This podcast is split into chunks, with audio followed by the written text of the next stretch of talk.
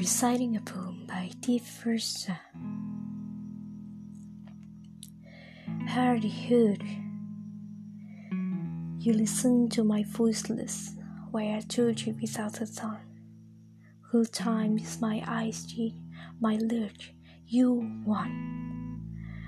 Take my bond to your throne, but leave one to its own, throw away the child No bills nor millions, capture gaze of surrenders on the sleepy face lays on the lap towards its nap. I'll kiss your ocean from your shore to your shore the furthest that my eyes could have. I'll explore your crown from your green to the brown. I'll put the ship as a surname of elation. I'll lineage as a surname of Mary. I'll write your name as a surname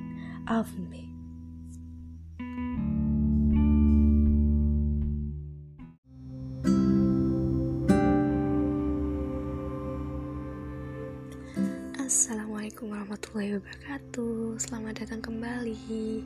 Kembali lagi dengan Tiversta Ya kali ini kita masih akan ngebahas tentang puisi. Dan puisi yang mau aku bahas di episode kedua kali ini bukan puisi yang berbahasa Indonesia tapi puisi yang berbahasa Inggris. Karena selain hobi nulis puisi yang berbahasa Indonesia aku juga sometimes nulis puisi yang berbahasa Inggris atau Jawa bahkan. Ya dan kali ini puisi aku judulnya Hardihood kalian tahu gak sih artinya apa itu Hardihood Hardihood itu artinya keberanian atau kelancangan. Yes kenapa sih judulnya kayak gitu? Kalian tadi juga udah denger kan puisi yang aku bacain di awal. Dari puisi yang udah kalian denger tadi kalian kira-kira udah bisa nangkep apa belum makna dari puisi tersebut? Karena bisa dibilang puisi ini adalah puisi yang gelap ya jenisnya. Puisi gelap yang banyak mengandung majas dan juga simbol-simbol yang perlu perlu di ini lagi gitu. Perlu dipikir berkali-kali gitu ketika mau menerjemahkannya atau bahkan bisa juga multi tafsir alias beda persepsi antara satu pendengar dengan pendengar lain. So langsung aja kita bahas mulai dari stanza pertama. Aku mau ingetin lagi stanza pertama aku mau bacain lagi ya kalian dengan baik-baik You listen to my voiceless while I told you without a song. Whole, time just my eyes did my lurch you won. Kamu telah dengarkan kebisuan saya ketika aku mengatakan padamu tanpa lidah. Nah, di sini kita bisa mendeteksi adanya majas oksimoron ya. Apa sih majas oksimoron itu? Majas oksimoron itu adalah majas yang menggabungkan dua hal kontradiktif dalam satu satu kalimat ya. You listen to my voiceless. Kamu telah mendengarkan kebisuan saya. Dan yang kedua, I told you without a tongue. Mengatakan padamu tanpa lidah. Di situ letak oksimoronnya. Ini maksudnya apa sih? Maksudnya adalah ini puisi kan dilihat dari sudut pandang perempuan ya. Jadi di sini tuh ceritanya seorang perempuan yang memuji seorang pria bahwa si pria ini tuh hebat banget gitu bisa ngebaca keinginannya si perempuan bahkan tanpa si perempuan ini mengungkapkan gitu.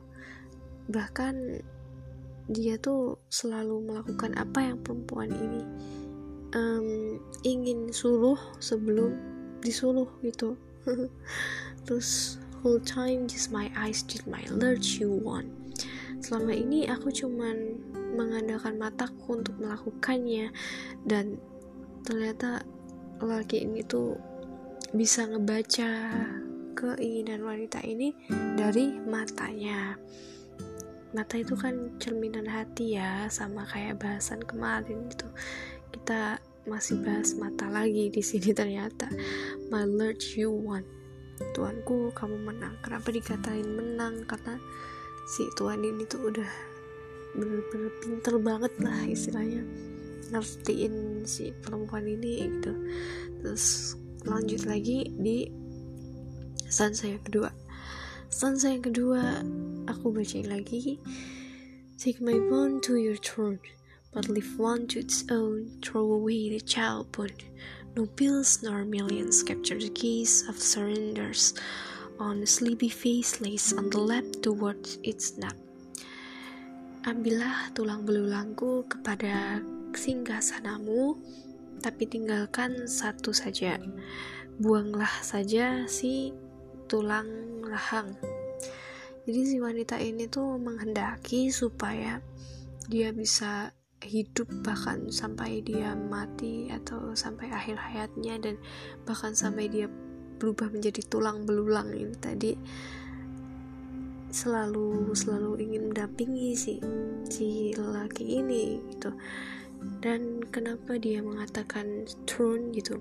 Sehingga sana berarti itu kan mengindikasikan kalau si perempuan ini tuh menganggap si lelaki ini adalah rajanya ya terus kemudian yang balas keduanya tapi tinggalkanlah satu saja.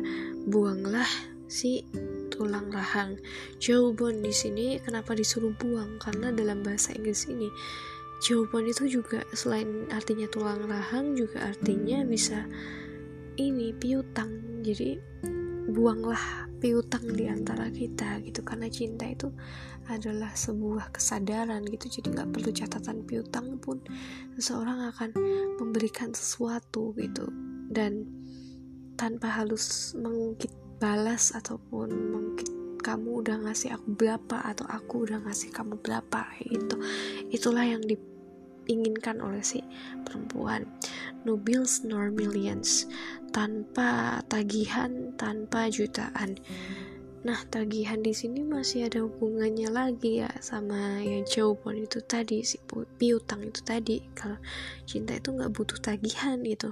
Nor millions, nah millions atau jutaan ini tuh bisa diartikan juga sebagai satuan. Jadi cinta itu nggak memiliki satuan, bahkan jutaan maupun ribuan maupun ratusan maupun miliaran triliunan itu tuh cinta tuh nggak bisa dihitung dengan yang seperti itu gitu. Dan kemudian lanjut ke baris berikutnya capture the case of surrender. Tangkaplah sebuah tatapan penyerahan diri tatapan kepasrahan gitu. Ya, si perempuan itu sudah menyerahkan sepenuhnya seluruh cintanya. On a sleepy face lays on the lap towards its nap on a sleepy face pada sebuah wajah yang mengantuk yang berbaring di pangkuan mendekati tidur siangnya. Kenapa sleepy face? Di sini sleepy face ini merupakan simbolik dari kenyamanan ya, karena kalau kita terlalu nyaman pada suatu tempat itu yang di sini lace ya, lace on the lap itu pangkuan ya, maksudnya si wanita ini karena terlalu nyaman di pangkuan dalam tanda kutip si pria ini dia jadi ngantuk gitu. Jadi ngantuk ini tuh bisa di di ini kan diartikan sebagai rasa nyaman. Jadi karena si wanita ini terlalu nyaman pada si pria ini mendekati tidur siangnya. Kenapa tidur siang? Karena tidur siang ini tuh kan sebentar ya beda dengan tidur malam ya. Sebenarnya tidur siang ini tuh merupakan representasi dari kehidupan. Kenapa? Coba. Karena kehidupan itu kan sementara singkat gitu. Jadi bisa dianalogikan sebagai tap tidur siang I'll kiss your ocean from your shore to your short furthest that my eyes could have. I'll explore your crown from your crane to the crown. Pada stanza yang ketiga ini, si wanita ini menyebutkan bahwa dia akan mencium samudera si lelaki. Maksudnya dia akan mengecup dan menikmati segala lautan cintanya si lelaki ini dari yang pantainya, garis pantainya sampai ke jarak terjauh yang bisa matanya jangkau gitu. Dia akan dia akan menikmati semua yang ia dapat dari laki ini gitu. I'll explore your crown from your queen to the crown. Aku akan menelusuri uh, ground itu tanah ya. Jadi menelusuri tanah atau wilayahmu gitulah. Dari yang hijau hingga yang coklat. Hijau ini kan melambangkan suatu kesuburan alias suatu kebaikan jadi dia akan menelusuri segala hal yang baik dalam diri si laki ini to the brown sampai yang sisi coklatnya sampai sisi yang buluknya gitu kemudian stanza keempat I'll put a ship as a surname of relation. I'll ribbon an age as a surname of Mary. I'll write your name as a surname of me. Ini yang stanza keempat ini susah banget kalau mau diterjemahin ke Indonesia ya karena um, kata-katanya bakal jadi bakal jadi apa sih kurang pas gitu. I'll put a ship as a surname of relation kalau diterjemahin secara ininya aja nih lugu secara bahasanya aja nih aku akan membangun sebuah kapal sebagai nama belakang dari hubungan nah di sini tuh maksudnya ketika kita ngelihat ke kata surname surname itu kan nama belakang. Jadi intinya tuh si wanita ini tuh ingin memberikan kata eh nama belakang pada si relation. Nah nama belakangnya ini adalah ship. Karena ketika relation diberikan nama belakang ship dia akan menjadi relationship gitu jadi dia si perempuan ini ingin mengatakan bahwa dia menginginkan sebuah hubungan. Kemudian I'll refer an age as a surname of Mary. Aku akan mematangkan sebuah usia sebagai nama belakang dari Mary dari pernikahan. Terus kalau Mary diberikan nama belakang H dia kan menjadi marriage ya kan sebuah pernikahan. Nah si wanita ini juga menginginkan pernikahan. Kemudian I'll write your name as a surname of me. Aku akan menuliskan namamu sebagai nama belakangku. Cie tahu kan kalau ada wanita nama belakangnya menggunakan nama pria itu kalau bukan bapaknya ya pasti suaminya gitu. Jadi si wanita ini ingin menjadikan si pria ini sebagai suaminya gitu itulah tadi kira-kira bahasan dari usi kali ini ya.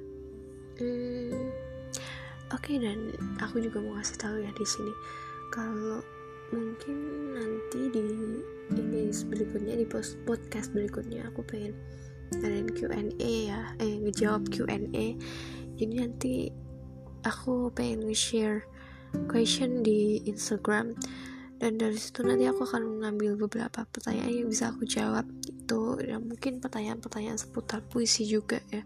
Biar biar kalian bisa dengerin di sini dan kalian bisa menambah wawasan lagi gitu. Kita bisa sharing-sharing di sini gitu tentang sesuatu yang kira-kira apa sih yang pengen kalian ketahui dari aku mungkin atau dari karya aku atau tips-tips apa yang pengen kalian dapatkan dari aku gitu.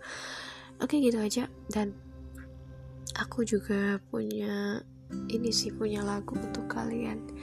Nanti di akhir ada sebuah lagu yang pengen aku putar untuk kalian. Ya ini lagu ini bagus banget.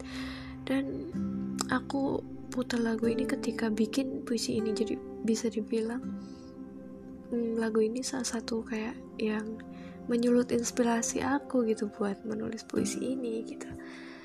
Terus aku juga mau bilang maaf ya karena karena aku tuh kalau ngomong ini terlalu banyak bahasa mungkin ya. Aku ngomong pakai bahasa Jawa kadang pakai bahasa Inggris kadang pakai bahasa Indonesia. Jadi sometimes aku suka belibet kalau ngomong kan. Ya maklum juga sih ini podcast baru podcast baru juga tuh kan belibet lagi. Maksudnya ini podcast baru aku jadi mungkin nanti lama kelamaan juga aku bakal belajar buat ngomong lebih baik lagi. So thanks for your attention. Makasih udah dengerin aku selalu. Sehat-sehat buat kalian ya. Wassalamualaikum warahmatullahi wabarakatuh. Yuk nikmati lagu ini